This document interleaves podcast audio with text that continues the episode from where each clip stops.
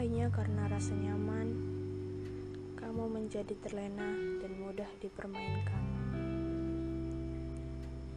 Hanya karena sering chattingan, kamu lupa arti menjaga batasan hingga akhirnya kamu terluka secara perlahan sendirian.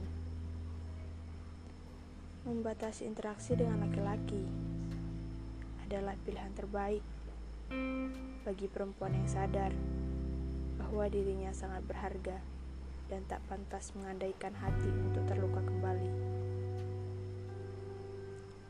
Segalanya sudah Allah tetapkan dengan skenario-nya yang terbaik. Tinggal bagaimana kamu menjalaninya tanpa harus merasakan sakitnya tercekik.